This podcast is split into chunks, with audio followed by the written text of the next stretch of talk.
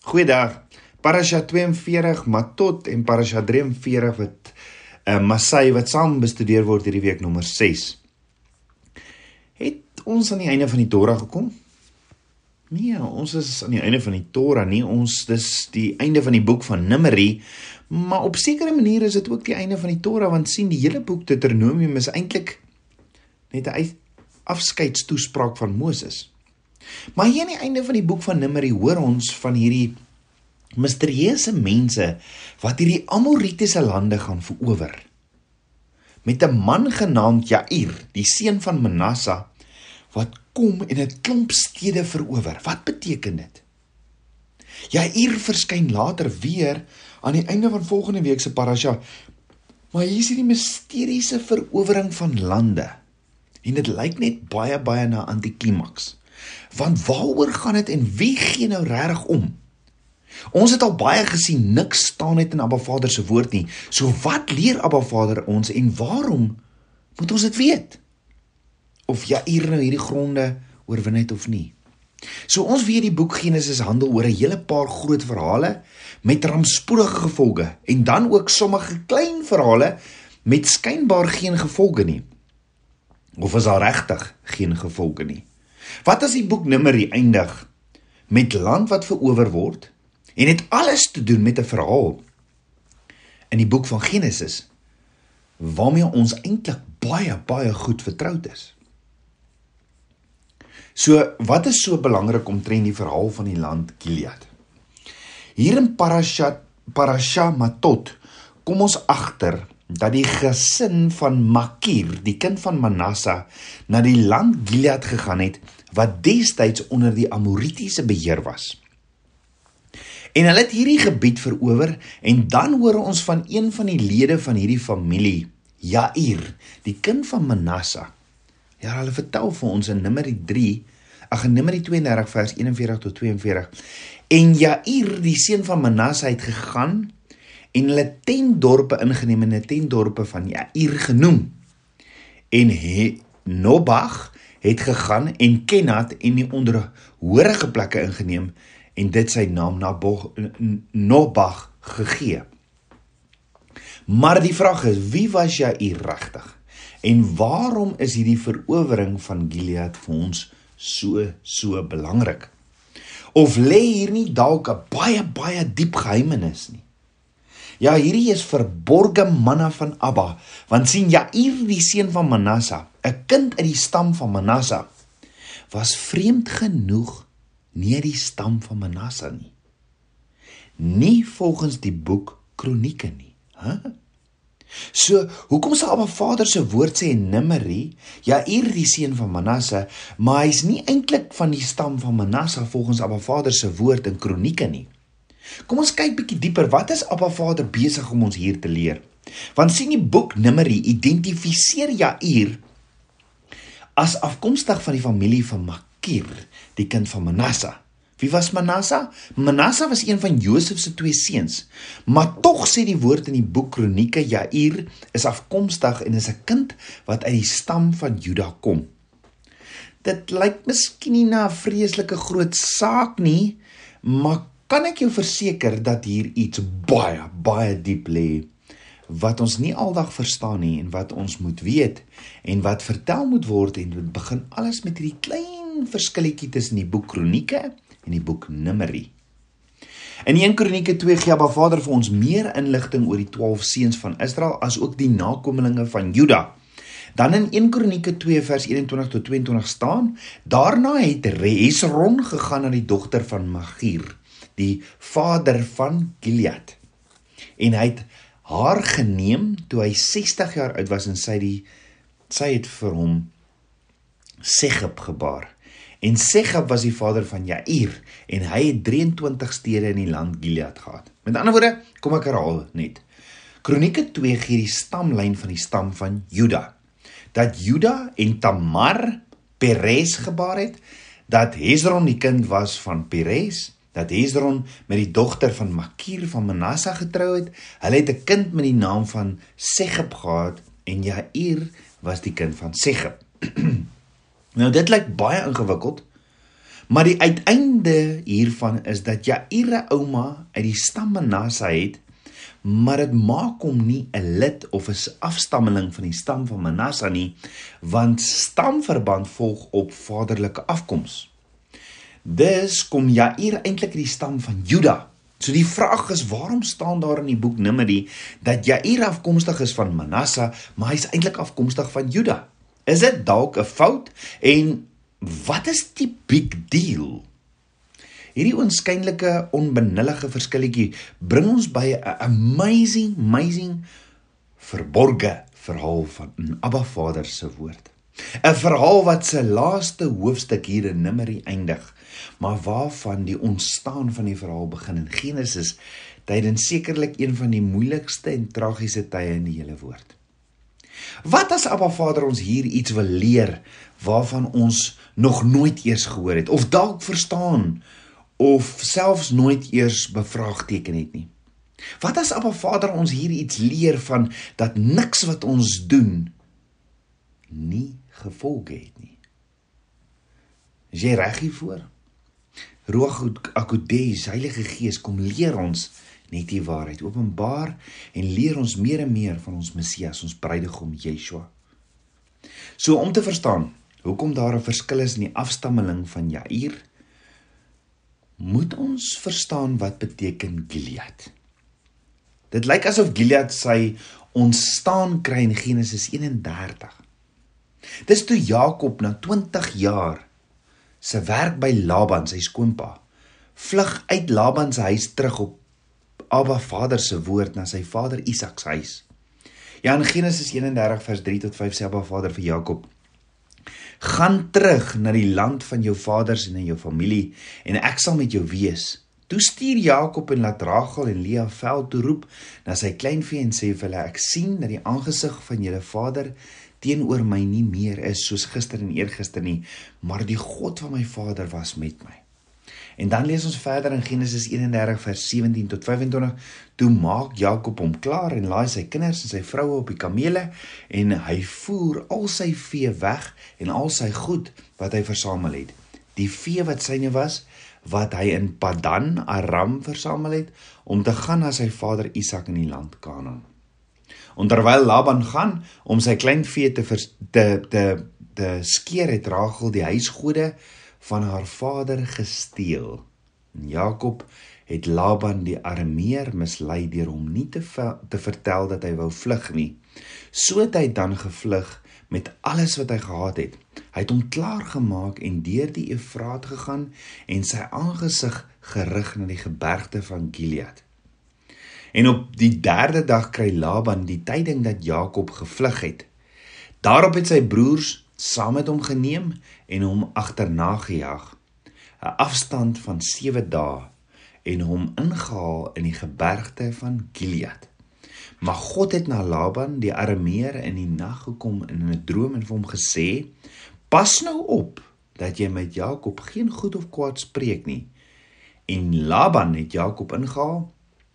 Jakob het sy tent al opgeslaan gehad in die gebergte en Laban met sy broers het dit opgeslaan in gebergte van Gilead. So Rachel, die vrou wie Jakob liefgehad het, het op 'n ongeëerde wyse afgodbeeldjies die Hebreëse woord trafin wat aan haar pa Laban behoort het saamgeneem. Nou wat die afgodsbeeldjies aanbetref, is dit nie baie duidelik in die woord of dit moontlik 'n sekere afgode was wat Laban aan regtig aanbid het nie. Maar 3 dae nadat Jakob gevlug het, het Laban eers agtergekom Jakob is weg met sy twee dogters en al sy kleinkinders.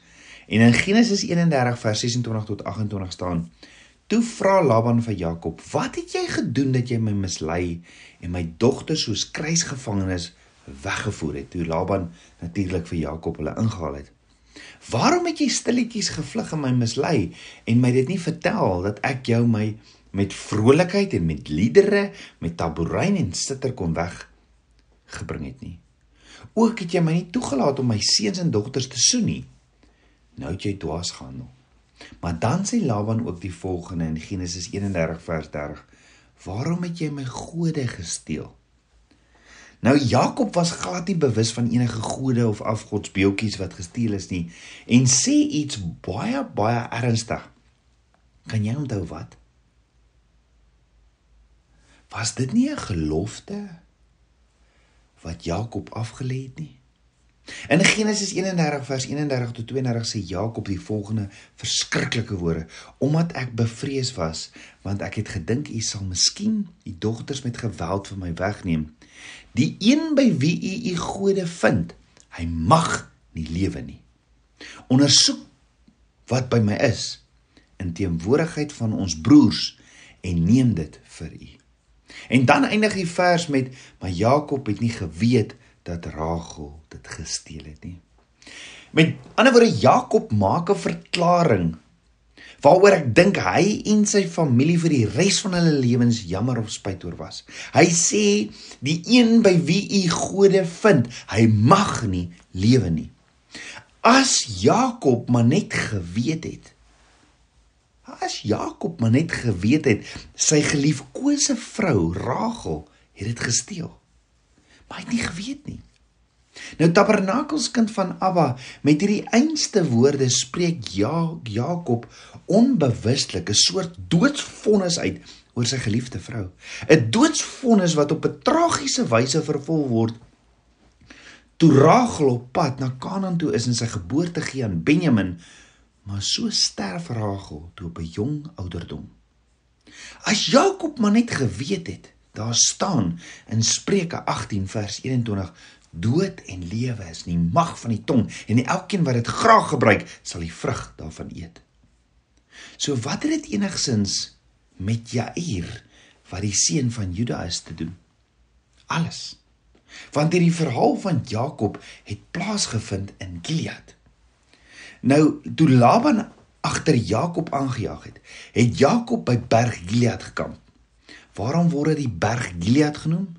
Dit word berg Gilead genoem oor wat se eed of verbond toe verder met Laban gesluit is. Ons praat ons hierdie week oor eed. Die verbond, die, die beloftes wat ons maak. In Genesis 31 vers 44 tot 53 staan: Kom dan nou, laat ons 'n verbond sluit. Ek en jy dat dit 'n getuienis tussen my en jou kan wees. Daarop het Jakob 'n klip geneem en dit as gedenksteen opgerig. Dis nou toe Laban hier by Jakob aankom en hy soek sy afgode. Hy kry dit toe nie en hy sê kom ons laat ons uh, dat ons hierso gedenksteen oprig. En Jakob het aan sy broers gesê bring klippe bymekaar en hulle het klippe gaan haal en 'n hoop gemaak en daarop die hoop geëet. En Laban het dit Jegar Sabuduta genoem, maar Jakob het dit Galeed genoem. En toe sê Laban: "Hierdie hoop is vandag 'n getuie tussen my en jou." Daarom het hulle dit Galeed genoem en ook Mishpa omdat hy gesê het: "Mag die Here wag hou tussen my en jou as ons mekaar nie weer sien nie. As jy my dogters mishandel en as jy vroue neem by my dogters, dan is geen mens by ons nie. Kyk, God is getuie tussen my en jou." En verder sê Laban vir Jakob: "Daar is die hoopklippe en daar's die gedenksteen wat ek tussen my en jou opgerig het. Hierdie hoopklippe is getuie. Hierdie hoopklippe is getuie. En die gedenksteen is getuie dat ek na jou kant toe hierdie hoop nie sal verbytrek nie en dat jy na my kant toe hierdie hoop en hierdie gedenksteen nie sal verbytrek met slegte bedoeling nie. So die God van Abraham en die God van Naor, die God van hulle vader sal regter tussen ons wees en Jakob het gesweer by die vrees van sy vader Isak. Ja, Jakob het gesweer. Kan jy onthou wat is die Hebreëse woord vir sweer? Ons het vroeër in die week daarna gekyk. Die die die Hebreëse woord vir sweer is shaba. Beide sweer en eet kom van dieselfde roetwoord in Hebreëus shaba af.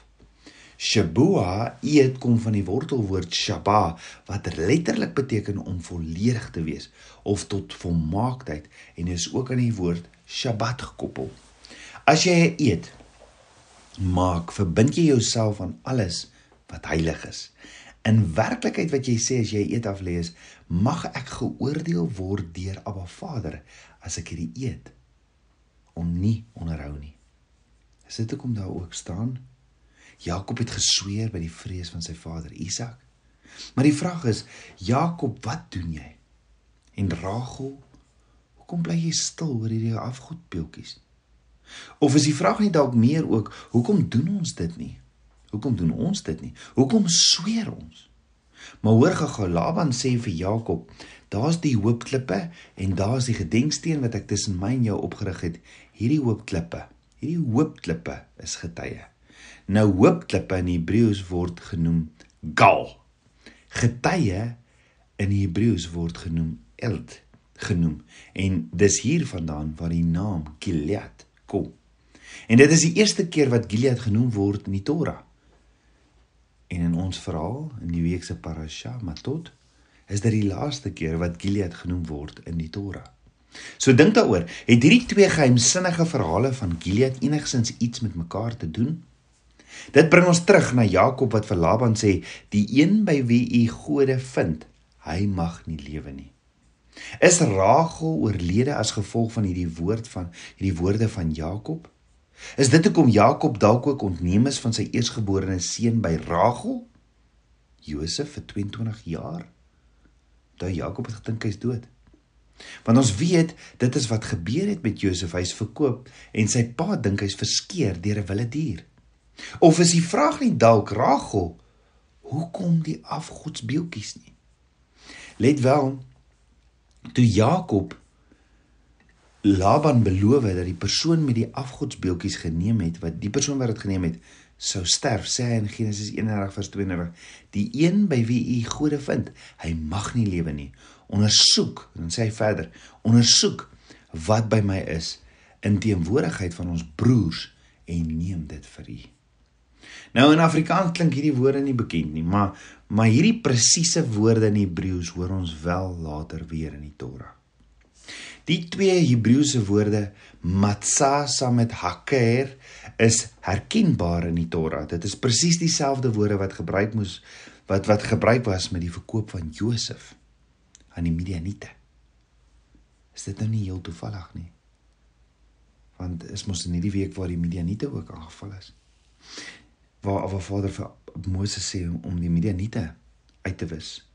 Nee, Tabernakels kind van Abba niks in Abba Vader se woord is toevallig nie. Dit is meer toeval God se lig. Want sien Josef se broers kom na Jakob toe en sê vir hulle pa ons het dit gekry. En hulle gee vir Jakob Josef se bloedbevlekte jas en vra vir Jakob is dit die Josef se jas nie? Dan ook toe Laban en Jakob 'n verbond gesluit het in Gilead, na hulle die hoop klippe bymekaar gesit het en 'n gedenksteen opgerig het, staan daar in Genesis 31 vers 54, toe het Jakob 'n offer gebring op die gebergte en sy broers genooi.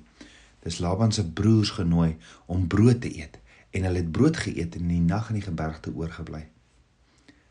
Dit is die eerste keer in die woord waar daar staan broers het bymekaar gesit om brood te eet. Maar Tabernakels kind van Abba daar's nog 'n keer. Daar's nog 'n keer waar broers saam sit en brood eet. Die ander keer en die enigste ander keer in die eerste 5 boeke van die woord wat ons ooit hoor van broers wat gaan saam sit en saam brood eet het is net vir Josef as 'n slaaf verkoop is. Daar staan in Genesis 37 vers 24 tot 25: Hulle neem hom en gooi hom in 'n put. Maar die put was leeg, daar was geen water nie. Daarna het hulle gaan sit om brood te eet. Dan oor dan ook hoor Rachel se woorde aan haar pa Laban.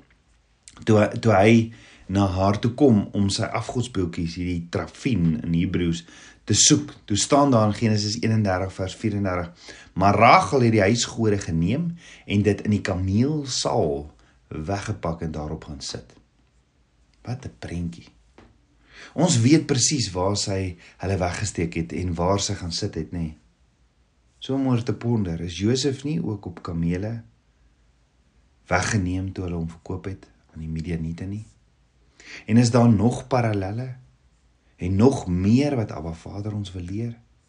Want wat het dit alles met Jair, die seun van Manasseh, nee, die seun van Juda te doen? Om oor te ponder. Kom ons bid saam. Abba Vader, skepper van my hart, Abba, ek loof en ek prys U. Vader, U woord is so soet soos heuning.